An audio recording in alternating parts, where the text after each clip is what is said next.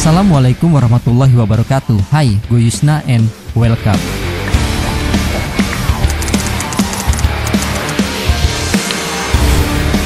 Dibanding alur cerita yang linier, para penikmat film sekarang lebih memilih film yang punya efek kejut. Dan hal itu bisa dikatakan dengan sebutan plot twist, yang merupakan salah satu formula yang kerap dipakai sineas untuk membuat filmnya lebih menarik. Efek cerita yang gak ketebak emang selalu bikin penonton penasaran. Bahkan sampai ada jenis movie freak yang menilai film dari plot twistnya. Semakin bikin sakit kepala, maka semakin menarik filmnya untuk dibahas. Seperti salah satu film yang akan menemani waktu luang kita kali ini, yaitu Evaru.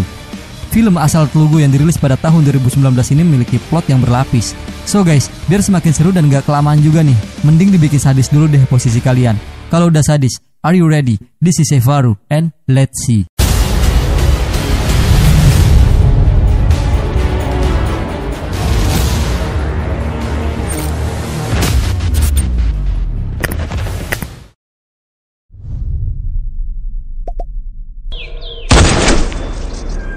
Film ini dibuka dengan adegan pembunuhan yang dilakukan oleh seorang wanita yang bernama Samira Maha, yang merupakan istri dari seorang pengusaha sukses yang bernama Rahul.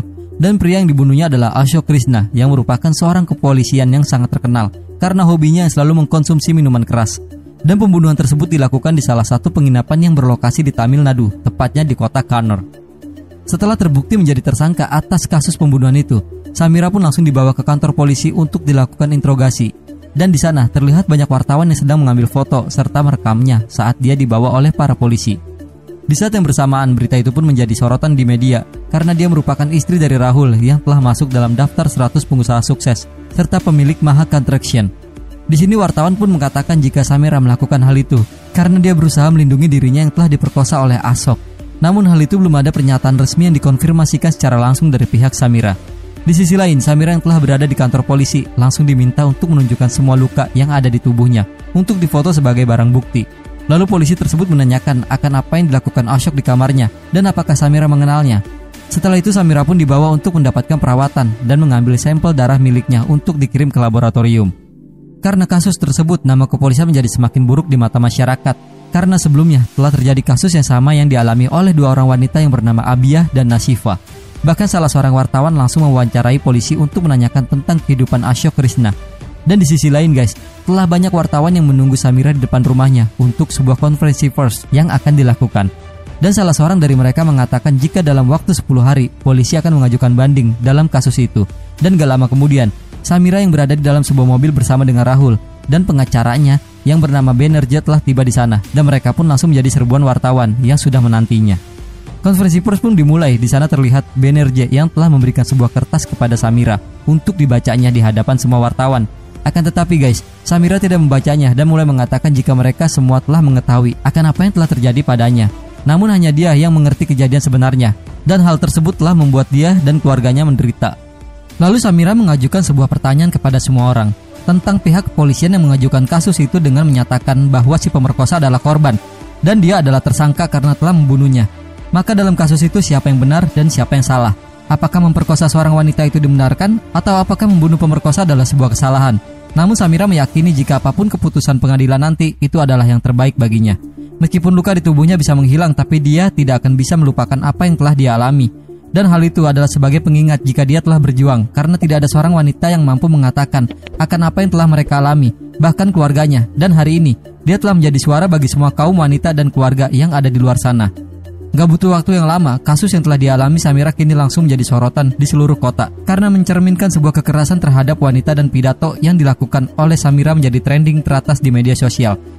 Dan di sisi lainnya guys, polisi yang menjadi incaran awak media langsung menegaskan jika Samira telah terdaftar atas kasus pembunuhan dan mereka pun telah menunjukkan petugas terbaik untuk menyelidiki kasus tersebut. Dan di sisi lain, polisi yang telah menyaksikan berita tersebut mengatakan kepada anak buahnya yang bernama Reddy jika mereka telah ditempatkan pada kasus yang sulit dan media akan menghancurkan mereka jika mereka mengacaukan kasus tersebut. Karena kasus itu merupakan kasus yang sensitif dan harus ditangani secara bijaksana. Lanjut ceritanya guys, terlihat seorang anggota kepolisian yang menggunakan kacamata hitam baru saja keluar dari kantor polisi menuju ke sebuah tempat dan dia adalah Vikram Vasudev, seseorang yang mampu melakukan apa pun demi uang. Bersama dengan Ayapa, dia sudah berada di tempat kejadian dan mencoba mencari barang bukti di sana. Di sisi lainnya, Samira yang telah berada di apartemen mendapat sebuah panggilan dari Benerje yang langsung memintanya untuk menyaksikan berita yang sedang tayang. Dan di sana, dia melihat jika penuntut telah menunjuk seorang pengacara terkenal yang bernama Ratna Karceti untuk menangani kasus tersebut. Dan hal itu menjadi sebuah ancaman besar bagi Samira, karena Ratnakar tidak pernah kehilangan satu kasus pun dalam 20 tahun terakhir. Lalu Benerje juga mengatakan, jika mereka harus berhati-hati karena Ratnakar yang mampu mengotak-atik bukti, lalu mengubah kebenaran dengan kebohongan dengan cara apa pun, demi sebuah kemenangan di mana pada saat ini juga semua media menjadikan kepolisian sebagai bahan berita atas meninggalnya Ashok. Dan itulah alasan kenapa mereka meminta bantuan Ratnakar. Namun Banerjee mengatakan jika dia telah meminta bantuan kepada anggota kepolisian yang bernama Vikram Vasudev yang berada di Kanner untuk mencari informasi dari dalam. Dan dia akan segera menemui Samira karena dia akan melakukan apa pun demi uang. Gak lama kemudian guys, Vikram pun tiba di sana untuk menemui Samira seperti yang telah dikatakan oleh Banerjee. ya? Di sana Samira sempat menegur Vikram yang ingin merokok dengan memintanya untuk tidak merokok di dalam ruangan dengan menunjuk ke arah saluran udara yang berada di sana. Setelah mendengar hal itu, Vikram pun langsung mencabut baterai pada saluran udara tersebut. Kemudian dia pun berkata jika dia sangat tidak menyukai kata jangan karena itu adalah sebuah batasan. Samira pun mengingatkan jika secara langsung Vikram telah melanggar hukum dan Vikram menjawab dengan mengatakan kenapa harus memikirkan hal itu karena bagi Vikram mereka sedang berada di negara Talfar di mana orang tua ditangkap atas pembunuhan anaknya sendiri dan itu menunjukkan jika kesalahan kecil dapat mengubah hidup seseorang. Setelah itu Fikra mulai memperlihatkan beberapa foto barang bukti yang dia bawa, lalu mengatakan kejadian dalam foto tersebut. Dan Samira yang mendengar hal itu langsung menegaskan jika hal itu tidak salah, bahkan jika dia membunuh Asok 100 kali atas perbuatannya. Dan guys, kita pun akan dibawa ke scene di mana saat Ashok melakukan pemerkosaan terhadap Samira. Sehingga dia harus membela dirinya dengan menembak Ashok hingga tewas. Kemudian Samira melihat ke arah Fikram yang sedang membuat kopi lalu menanyakan kepadanya tentang ucapan Benerja yang berkata jika Vikram akan memberikannya informasi dari dalam. Lalu Vikram yang mendengar hal itu langsung balik bertanya, apakah kopi dapat mengubah warna susu atau sebaliknya? Karena dia memiliki keraguan dengan hal itu, termasuk dalam kasusnya. Dan dia pun menyuruh Samira untuk melihat file yang dibawanya, kemudian mengatakan jika apa pun yang Samira bawa ke pengadilan itu hanyalah sebuah informasi. Namun itu akan menjadi bukti jika dia yang mengirimkannya. Kemudian Samira kembali dibuat takut saat Fikra mengatakan jika Ratnakar akan menghasut polisi karena polisi telah berusaha menyelamatkan reputasi mereka dan mereka dapat mengubah perspektif kebenaran. Setelahnya guys, Fikram yang mempelajari kasusnya itu merasa terganggu dengan satu hal, yaitu masa lalu Samira yang merupakan seorang resepsionis yang telah bekerja selama lima tahun, lalu tiba-tiba memilih untuk menikah dengan pemilik perusahaan yang tak lain dia adalah Rahul. Dan setelah mendengar jika alasan mereka menikah karena cinta, Vikram kembali menekan Samira dengan berkata jika dalam kasusnya itu Rahul tidak mendukungnya sedikit pun, di mana dia tidak pernah memberikan pernyataan di hadapan publik untuk membela Samira. Namun Samira kembali membela dirinya dengan mengatakan jika Rahul memang tidak pernah membelanya di hadapan publik. Akan tetapi guys, uang yang didapatkan Vikram itu adalah uang dari Rahul. Vikram pun tertawa mendengarnya sambil menunjukkan foto pernikahan Rahul dan Samira. Dan dia mulai menanyakan tentang tidak adanya kemesraan di antara mereka dalam foto tersebut. Namun Rahul terlihat memegang seorang pria di foto yang berbeda. Dan setelah menelusuri foto tersebut ternyata foto itu terdapat dalam situs kencan yang hanya untuk laki-laki. Dan hal itu akan menjadi sebuah bukti bagi Ratnakar yang digunakan dalam persidangannya nanti untuk menghancurkan Samira dengan berpikir jika pernikahan mereka hanya karena uang dan Samira akan berselingkuh dengan pria lain karena Rahul tidak bisa memberikan kehangatan dan hanya bisa memberikannya status. Sempat terbawa emosi karena perkataan Samira yang selalu berkata tidak dan tidak terima dengan apa yang disampaikan olehnya. Dia pun berdiri kemudian berkata dengan keras kepada Samira, jika Ratnakar akan merusak citranya di pengadilan dan memenangkan kasus itu dengan mudah saat dia menyoroti kasus perselingkuhan yang dilakukannya. Lalu Fikram mengatakan jika dia sengaja melakukan hal itu agar Samira mengerti. Kemudian Fikram pun meminta agar Samira menceritakan yang sebenarnya.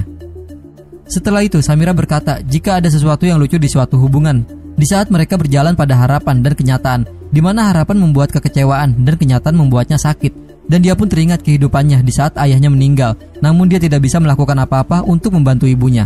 Akan tetapi semua berubah saat dia bertemu dengan Rahul. Meskipun dia tidak menyangka jika hubungan pekerjaan akan menjadi hubungan pribadi. Sampai akhirnya Rahul pun melamarnya dengan berjanji akan memberikan kebahagiaan secara materi. Meskipun dia mengetahui jika Rahul tidak mencintainya, dia tetap melakukan acara pernikahan itu dengan harapan jika suatu hari nanti dia mampu membuat Rahul mencintainya. Bahkan Samira juga menceritakan bulan madunya saat berada di sebuah perahu, di mana Rahul memilih untuk tidur bersama teman prianya dan meminta Samira untuk tidur di kamar yang lain. Setelah itu, Fikram mengingatkan jika saat berada di kantor polisi mereka mencatat semua tentang keluarga Samira dan secara tidak langsung Rahul pun terlibat dalam kasus itu dan mereka akan hancur jika Samira mengatakan yang sebenarnya tentang Rahul di pengadilan karena Ratnakar akan terus menekannya dengan mengatakan jika pernikahan itu hanya demi uang. Namun Fikram telah memiliki rencana yang lain untuk mengalahkan Ratnakar, yaitu dengan bertanya kembali tentang kehidupan keluarganya. Di sisi lain, Benerji yang sudah berada di kantor mengatakan kepada Samira, jika mereka harus waspada karena ada seseorang yang telah mengetahui rencana mereka. Kemudian guys, Samira dibuat terkejut saat Fikram mengetahui makanan kesukaannya dan berkata jika investigasi tidak hanya meminta informasi, melainkan mengumpulkannya. Setelah itu Fikram kembali menanyakannya sejak kapan dia bertemu dengan Ashok dan Samira menjawab jika mereka dipertemukan oleh Rahul saat acara perusahaan mereka karena Rahul bertugas untuk menjaga acara tersebut. Namun Fikram yang masih curiga langsung menunjukkan sebuah video dari CCTV tepat saat kejadian tersebut terjadi, lalu menunjukkan sebuah keanehan di sana dan bukan hanya itu, Vikram kembali menunjukkan sebuah bukti dengan memperlihatkan sebuah foto, di mana dalam foto tersebut terdapat Samira dan Ashok saat mereka masih berkuliah. Dan itu membuktikan jika mereka memang sudah saling mengenal. Dan hal itu akan kembali menjadi bukti yang akan digunakan Ratnakar untuk menyudutkan Samira di pengadilan. Samira semakin takut karena posisinya itu, dia pun memilih untuk mengatakan semuanya kepada Vikram jika dia memang memiliki hubungan dengan Ashok. Di suatu hari pada saat dia merasa hampa dengan pernikahannya, kemudian dia bertemu dengan Ashok sehingga membuatnya terhubung secara emosional dan merasa jika Asok bisa dia percaya. Namun dia merasa kecewa saat mengetahui jika Asok memiliki maksud lain kepadanya. Hingga akhirnya, kejadian itu pun terjadi dan sin pemerkosaan pun kembali diperlihatkan.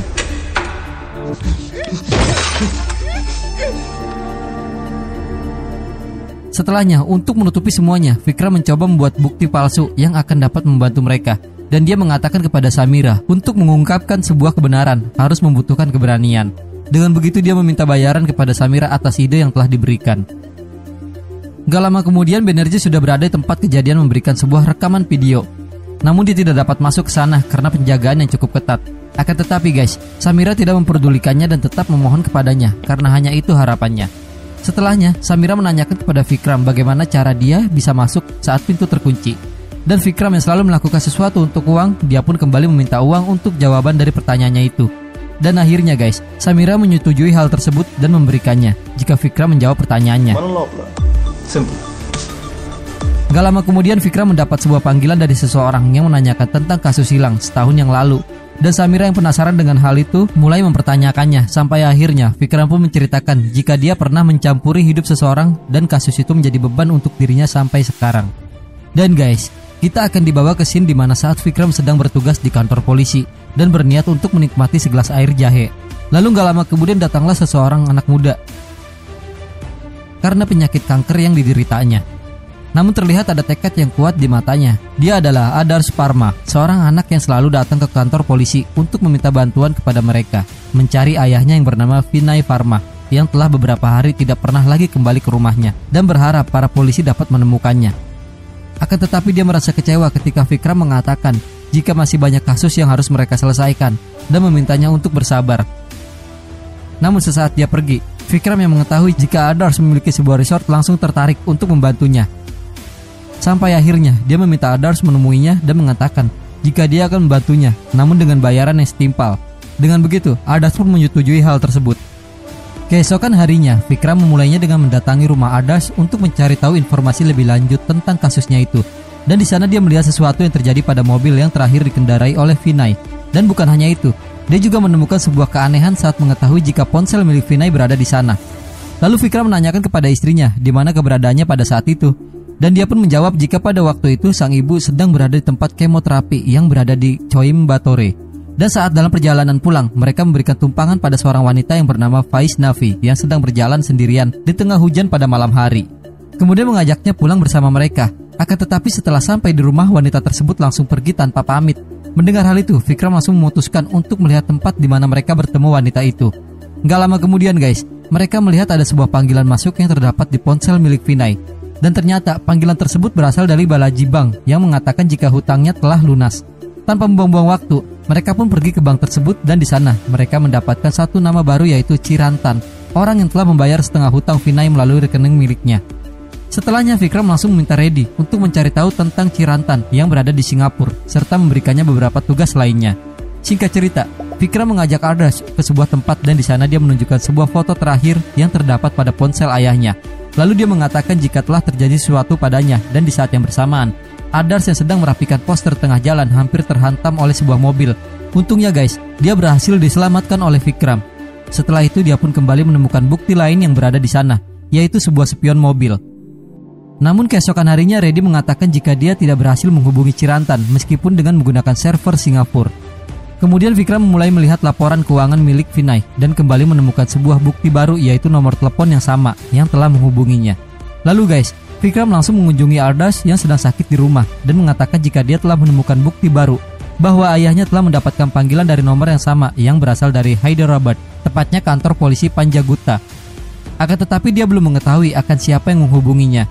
Hingga keesokan harinya, terlihat Vikram yang sedang bertemu dengan atasannya yaitu Sures yang memintanya untuk menyerahkan semua berkas dan bukti dari kasus Vinay. Lalu mengatakan jika dirinya yang akan melanjutkan penyelidikan tersebut sambil menyinggung akan uang yang telah Vikram dapatkan. Dan karena tekanan tersebut, Vikram menjadi merasa bersalah karena dia harus mengikuti semua ucapan atasannya. Lalu melupakan kasus Vinay dengan tidak menghubungi Ardas sampai akhirnya Ardas menemui Vikram di rumahnya untuk menyampaikan kekecewaan terhadapnya. Dengan mengatakan jika dia telah mengambil kesalahan besar karena telah bergantung padanya. Karena ayahnya juga pernah berkata, hanya dirinya lah yang harus mencari solusi dari masalahnya sendiri. Lalu guys, Ardas pun langsung memberikan sisa pembayaran yang telah mereka sepakati. Bahkan dia berkata jika sudah tidak ada lagi kesepakatan di antara mereka. Fikram yang merasa bersalah karena mengecewakan Ardas akhirnya memutuskan untuk meneruskan penyelidikannya dengan mencoba mencari tahu semua mobil yang melintas. Sampai akhirnya dia menemukan sebuah mobil yang dia curigai. Dan ternyata mobil tersebut adalah sebuah mobil rental yang berada di Hyderabad tanpa berpikir panjang, Fikram pun langsung pergi ke sana untuk mengetahui siapa yang telah menggunakan mobil tersebut pada tanggal 30 Juli. Dan dia pun terkejut saat mengetahui jika orang yang telah menyewa mobil itu adalah Faiz Nafi. Dengan begitu Fikram pun meminta alamatnya kepada pemilik rental itu. Singkat cerita, setelah mengetahui alamat tempat Faiz Nafi, dia pun langsung menemuinya. Dan di sana dia bertemu dengan orang yang dia cari yaitu Faiz Nafi. Akan tetapi, Fikram kembali dibuat terkejut saat Faiz Nafi mengatakan jika dia tidak pernah pergi ke Kanar dan mungkin mobil tersebut digunakan oleh suaminya yang juga merupakan seorang polisi yaitu Ashok Krishna. Gak lama kemudian Fikra mendapat sebuah panggilan dari Sures yang marah karena dia telah menentang perintahnya. Lalu mengatakan jika Ardas telah datang ke kantor polisi Panjaguta dua hari yang lalu untuk mencari Ashok. Bahkan dia juga mengancam bahwa dia akan menembak Ardas jika anak itu melangkah lebih jauh. Di sisi lainnya guys, Ardas yang telah mengetahui jika Ashok telah bertugas di sebuah acara, dia pun langsung sana untuk menemuinya. Namun dia sempat dihadang oleh petugas lainnya sampai akhirnya Asok pun diizinkan masuk dan bertemu dengannya. Adas yang sangat merasa penasaran dengan keberadaan ayahnya langsung menunjukkan foto ayahnya kepada Ashok dan mengatakan jika ayahnya telah menghilang. Bahkan di dalam ponsel ayahnya ada panggilan dari Ashok. Ashok yang mencoba menutupi kebenaran mengatakan jika dia tidak mengenal ayahnya. Hingga akhirnya dia merasa kesal dan mencoba untuk melepaskan tembakan ke arah Adas. Namun Adas berhasil lolos dengan bantuan Vikram yang sengaja datang untuk menyelamatkannya. Kemudian mereka berdua langsung berusaha untuk pergi meninggalkan tempat itu. Dan pandangan Ardas tertuju pada seorang wanita yang berdiri di atas panggung. Lalu dia mengatakan kepada Vikram, dan ternyata guys, voice Navi itu adalah Samira. Kembali ke scene awal, di sini Vikram mulai mengingatkan kepada Samira jika saat Vinay Pharma menghilang, Ashok bersama dirinya telah berada di sana. Bahkan dia membawakan bukti ponsel milik Samira yang dia temukan, yang masih terdapat sidik jarinya dan bekas darah Vinay. Setelah itu Vikram kembali meminta Samira untuk mengatakan yang sebenarnya. Dan Bor, lagi-lagi kita akan kembali diperlihatkan scene flashback di mana Samira yang telah mengendarai sebuah mobil pergi bersama Ashok untuk menuju ke suatu tempat. Namun di tengah perjalanan terjadi perdebatan di antara mereka sampai akhirnya datang mobil dari arah yang berlawanan sehingga mengakibatkan mereka hampir bertabrakan. Lalu Ashok yang marah langsung turun untuk menemui orang tersebut dan ternyata dia adalah Vinay Pharma Sempat terjadi perkelahian di antara mereka. Vinay pun mencoba untuk mengambil foto mereka. Namun hal itu tidak berlangsung lama karena Samira langsung segera menghentikannya. Kemudian memilihnya untuk meneruskan perjalanan mereka. Gak lama kemudian mereka sudah berada di sebuah rumah dan ternyata rumah tersebut adalah rumah yang akan dibeli oleh Ashok untuk diberikan kepada Samira.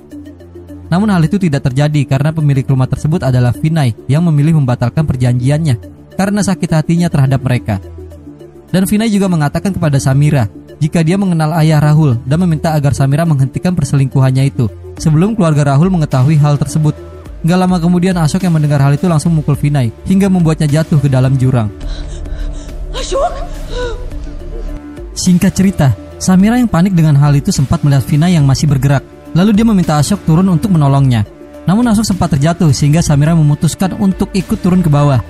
Dan di sana Samira mencoba untuk menghubungi seseorang, namun dia tidak mendapatkan sinyal karena mereka berada di tengah hutan.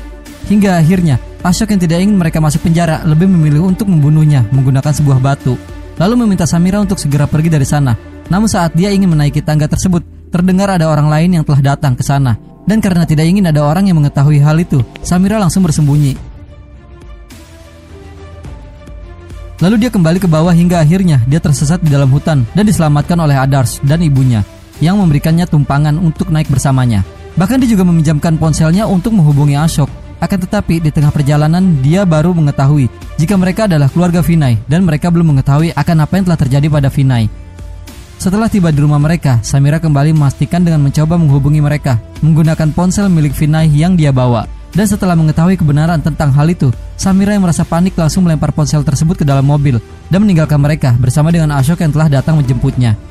Di dalam mobil Samira sempat menanyakan tentang tubuh Vinay, namun Ashok tidak memberitahukannya dan hanya meminta Samira untuk melupakan kejadian tersebut. Dan setelah kejadian itu, Samira sibuk dengan urusan pernikahannya. Bahkan dia sempat mencoba untuk mengatakan semuanya kepada Rahul. Namun dia tidak bisa melakukannya, dan selama hidupnya, dia selalu teringat akan kejadian itu. Bahkan dia merasa takut jika harus mengingat nama Ashok. Lalu Samira mengatakan alasan dia kembali ke sana karena telah ada orang yang memerasnya dengan mengirimkan sebuah kotak berwarna hitam ke rumahnya yang berisikan sebuah foto dan bertuliskan siapa yang mati di sana. Dia sempat mencoba menghubungi Ashok untuk memberitahukan tentang hal itu, namun ponselnya tidak dapat dihubungi. Di saat yang bersamaan, terdengar sebuah panggilan dari telepon yang berbeda dari dalam kotak itu. Lalu dia mengingatkan agar Samira tidak berusaha mencari tahu akan siapa dia dan hanya perlu mengikuti perintahnya karena Samira tidak memiliki pilihan lain. Kemudian dia meminta Samira untuk datang ke Kanar esok hari dan membawa uang sejumlah dua kor. Keesokan harinya guys, setelah menyiapkan uang, Samira langsung pergi ke Kanar. Dan sesampainya di sana, dia langsung disuruh untuk pergi ke sebuah rumah bernomor 501, lalu meletakkan uang yang dia bawa ke atas kayu perapian. Setelah itu dia disuruh melihat ke sebuah laci yang berada di sana, hingga membuatnya terkejut saat melihat akan pistol yang ada di dalamnya. Di saat yang bersamaan orang tersebut berkata jika akan ada seseorang yang akan masuk ke sana dan Samira harus membunuhnya. Gak lama kemudian Asok pun tiba di sana dan mengatakan jika dia akan mengurus orang yang telah memeras mereka. Namun Samira yang merasa bersalah meminta Asok untuk tidak melakukannya dan mengajaknya bertemu dengan keluarga Vinay untuk meminta maaf. Dan di saat yang bersamaan, orang tersebut mengirimkan sebuah pesan dengan meminta Samira untuk segera membunuh Asok. Samira yang merasa takut langsung mengatakan hal itu kepada Asok. Lalu dia meminta agar mereka pergi mengakui kesalahannya jika memang Asok mencintainya. Kemudian Asok yang ingin membuktikan bahwa dia mencintai Samira dia pun menyetujui permintaannya dan berkata jika hal itu dilakukan hanya untuk orang yang dia cintai. Namun dia juga menegaskan jika kebenaran akan merubah segalanya. Lalu mereka pun bercumbu sampai akhirnya Samira menyadari jika Asok berniat untuk membunuhnya. Namun dia sempat melakukan perlawanan dan hingga akhirnya dia pun berhasil membunuh Asok. Atas kejadian tersebut Samira merasa sedih, akan tetapi dia merasa jika apa yang telah dilakukannya merupakan sebuah keadilan bagi keluarga Vinay dengan membunuh Ashok. Setelah itu Samira mempertanyakan kepada Vikram kenapa dia lebih memilih bantunya daripada membantu Adars. Kemudian Vikram langsung bantah ucapan itu dengan mengatakan jika dia akan membantu Adars dengan cara memberikan uang untuk pengobatannya. Karena dia mengetahui jika akan ada pengobatan baru dan itu memakan biaya dengan jumlah yang besar. Lalu dia mulai menyadari jika kehidupan Adars itu lebih penting daripada kematian ayahnya, meskipun dia sadar jika caranya mendapatkan uang itu salah. Setelah mendengar hal itu, Samira langsung mengatakan jika dia akan memberikan uang kepada Ardars sebagai rasa tanggung jawabnya terhadap tindakan Asok yang telah membunuh ayahnya. Lalu dia pun langsung menghubungi Banerje untuk menyiapkan uang 2 kror dan memberikannya kepada Vikram. Gak lama kemudian guys, Samira kembali dibuat takut setelah dia mendapatkan sebuah informasi dan langsung mengatakan kepada Vikram jika Banerje telah ditangkap oleh polisi. Lalu Vikram yang telah mengetahui jika Banerje telah ditangkap bersama dengan uang 2 kror di tangannya, dia pun mulai mempertanyakan kebenaran yang sesungguhnya dan akhirnya Samira mengatakan jika dia telah menyuruh Banerje ke sana untuk mengambil uang dua kror miliknya. Setelah mendengar hal itu, Vikram langsung mengatakan jika apa yang dilakukan oleh Samira itu adalah tindakan yang bodoh dan mungkin dia sudah tidak memerlukan dirinya lagi karena seharusnya dia menceritakan tentang pemerasan yang dialami dan mengatakan jika itu dilakukan oleh Vinay agar kasus perselingkuhannya dengan Ashok tidak terungkap karena hanya Ashok yang mengetahui di mana mayat itu atau Samira mengaku jika dia yang telah membunuh Vinay karena dia tidak mengenal siapa yang telah memerasnya Bahkan dia juga tidak mengetahui di mana mayat itu berada. Dan hal itu membuat siapa pun tidak akan mempercayai dirinya, di mana pengadilan tidak membutuhkan informasi, melainkan bukti. Setelah itu Fikra mengatakan satu hal yang mengejutkan dengan berkata, jika Samira lah yang telah menyembunyikan mayat itu, karena Asok tidak mungkin bisa berlari dalam keadaan kaki yang terluka. Lalu dia menegaskan jika Samira punya lebih besar motif untuk membunuh mereka berdua karena dia tidak ingin kehidupannya dan impiannya hancur jika pernikahannya dengan Rahul batal. Bersama dengan hal itu, Shin pun berubah saat Vinay yang telah memperingatkan Samira atas perbuatannya dan memintanya untuk merubah itu semua sebelum keluarga Rahul mengetahui hal tersebut karena dia sangat mengenal mereka. Lalu Samira merasa terancam mendorong Vinay hingga dia terjatuh. Namun Samira langsung mengulang ucapan Vikram dengan mengatakan jika pengadilan tidak membutuhkan asumsi melainkan bukti. Setelah itu dia pun mulai mempertanyakan tuduhannya terhadap dirinya. Apakah dia dapat membunuh seorang pria dengan berat 80 kg lalu membuatnya menghilang? Kemudian Fikra menjawab jika hal itu tidak akan dapat dilakukan secara logika. Akan tetapi, dia mengatakan jika dia membuat sebuah tuduhan besar terhadap Samira. Dia selalu dapat membuktikannya dan kali ini sikap diam Samira menjawab semuanya. Setelah itu Fikram pun mengatakan jika pemeras itu tidak pernah menyuruhnya untuk membunuh Asok dan Asok juga tidak berniat untuk membunuhnya karena Samira lah yang telah merencanakan semua kejadian ini. Lalu Vikram juga menegaskan kepada Samira jika kebenaran tidak akan bisa menjadi kebohongan karena kedatangan Asok ke sana untuk mengakui semuanya ke keluarga Vinay dan dia juga telah berjanji untuk menceritakan kebenaran kepada si pemeras. Setelah itu Vikram mengungkapkan sebuah rahasia besar dengan mengatakan kepada Samira yang ternyata pemeras tersebut adalah dirinya dan hal itu dia lakukan demi Adars. Shin pun berubah terlihat Asok yang sedang menghubungi Vikram dan mengatakan jika dia tidak terlibat dengan hilangnya Vinay dan kedatangannya ke sana hanya untuk mengakui kepada keluarga Vinay dan hal itu telah direncanakan oleh Vikram. Namun semua tidak sesuai dengan perkiraannya karena perdebatan terjadi di antara Asok dan Samira, di mana Asok merasa kecewa karena Samira lebih memilih uang daripada dirinya. Dan dia membunuh Vinay karena takut pernikahannya dengan Rahul batal. Dengan begitu dia menggunakan dirinya untuk menyembunyikan kebenaran. Dan itulah kenapa Asok lebih memilih untuk mengakui semuanya. Setelah itu guys, adegan ranjang pun kembali diperlihatkan, namun dengan versi yang berbeda. Kebenaran yang terjadi adalah Samira langsung mencoba membunuh Asok, lalu membuat seolah-olah itu adalah sebuah pemerkosaan. Dan di sisi lain, Vikram yang mendengar teriakan Asok mencoba untuk menolongnya, namun dia terlambat karena Asok sudah lebih dahulu dibunuh oleh Samira. Vikram yang dapat menangkap Samira saat itu memilih untuk melepaskannya karena dia tidak akan dapat menyelamatkan Adars jika Samira tertangkap. Dan Vikram melakukan semua itu demi uang. Namun semua ucapan Vikram tidak membuat Samira menjadi takut karena tidak ada mayat dan tidak ada kejahatan. Jadi tidak ada yang menghubungkan dirinya dengan kematian Vinay. Namun Vikram kembali menegaskan jika semuanya telah menghubungkan Samira dengan kematian Ashok. Bahkan Benerja juga telah tertangkap dan hanya Vikram yang dapat membantunya dan situasi tersebut masih dalam kendalinya. Kemudian Vikram kembali menegaskan kepada Samira dengan menanyakan bagaimana perasaan istri Vina yang terus menunggunya dan Adars yang masih menunggu ayahnya kembali dan berjuang untuk dirinya sendiri. Samira yang marah dengan hal itu langsung mengusir Vikram dan mengatakan jika Banerjee tidak akan membayarnya kecuali dia dapat menemukan bukti pada mayat Vinay. Dan itu artinya dia tidak akan dapat menyelamatkan Adars. Lalu Samira mengatakan jika permainan itu dalam kendalinya. Vikram pun kembali menanyakan di mana mayat itu berada dan di saat yang bersamaan Shin pun berubah memperlihatkan Vinay yang masih hidup dan mencoba melarikan diri di tengah hutan. Namun dia dipukul oleh Samira hingga Vinay pun kehilangan nyawanya. Kemudian Samira menguburnya dan meletakkan tanda larangan di atas kuburannya. Setelah itu Samira merasa dirinya telah menang mengatakan kepada Fikram jika dia telah mentransfer uang kepadanya sebagai suap dan meminta Fikram untuk tidak bermain game lagi karena situasi akan selalu berada dalam kendalinya. Namun kesombongannya itu pun tidak bertahan lama karena Fikram menunjukkan sesuatu kepadanya yaitu sebuah alat perekam yang telah dia letakkan di saluran udara dan itu akan menjadi bukti kuat untuk memasukkan Samira ke penjara. Samira yang terkejut melihat hal itu langsung menawarkan sejumlah uang kepada Fikram. Akan tetapi Fikram menolaknya hingga akhirnya Samira pun memutuskan untuk membunuhnya namun hal itu tidak terjadi karena sudah terdapat beberapa anggota polisi yang berada di depan kamarnya. Dengan begitu, para polisi pun menangkapnya atas kasus pembunuhan Ashok dan Vinay. Samira sempat mengelak dengan mengatakan jika Vikram telah mengancamnya dan meminta uang 25 lak kepadanya. Namun dia kembali dikejutkan saat polisi tersebut mengatakan jika dia adalah Vikram dan yang tadi berbicara dengannya adalah Adars Pharma, anak dari Vinay Pharma. Dan guys, di akhir film kita pun masih diperlihatkan scene flashback di mana Adars yang sedang menderita kanker dan dirawat oleh ayah dan ibunya yang selalu memberikannya semangat.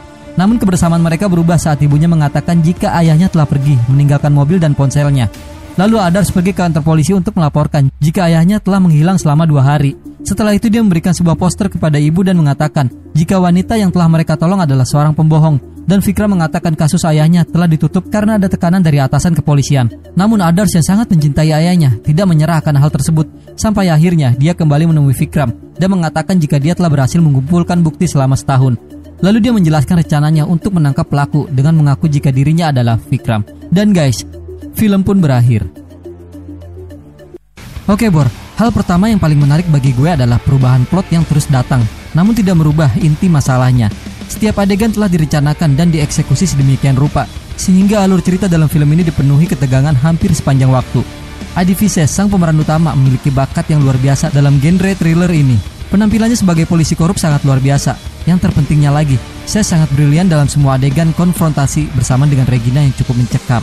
Bahkan guys, Regina juga terbilang berhasil membuat comeback yang solid dengan Evaru. Dia luar biasa dalam perannya yang bermata dua dan memberikan performa terbaik dalam perannya. Entah sebagai Samira yang tidak berdaya atau licik dan sombong. Pada saat yang sama, dia telah sukses menampilkan emosi tersebut dengan cara yang epik. Penampilan Regina di paruh kedua adalah puncak dari film tersebut. Bahkan klimaksnya direncanakan dengan luar biasa. Overall, film ini cukup membuat gue puas. Dan pesan dalam film ini adalah, ketika kemampuan finansial seseorang mendukung untuk bisa tampil mewah, tentu hal ini tidak akan menjadi masalah. Manusia secara naluriah selalu punya hasrat atau keinginan yang selalu muncul dalam hidupnya. Ketika keinginan itu mengarah ke tujuan yang baik, tentunya bagus. Namun guys, saat keinginan itu sudah mengarah untuk mendapatkan kehidupan mewah tanpa didukung dengan kemampuan finansial yang baik, Tentu hal ini menjadi tidak bijak. Akan ada banyak hal yang akan dikorbankan untuk memenuhi keinginan itu. Dan guys, untuk menghindari hal tersebut, kesederhanaanlah yang akan menjadi pegangan dalam hidup. Oke guys, mungkin cukup sampai di sini perjumpaan kita. Dan seperti biasa, jika kalian suka like, nggak suka silahkan dislike. Komen kalau ada kesalahan, dan subscribe kalau masih mau dengerin ocehan gue. So, gue tutup video ini. See you in the next video. My name is Yusna Firdaus and thank you.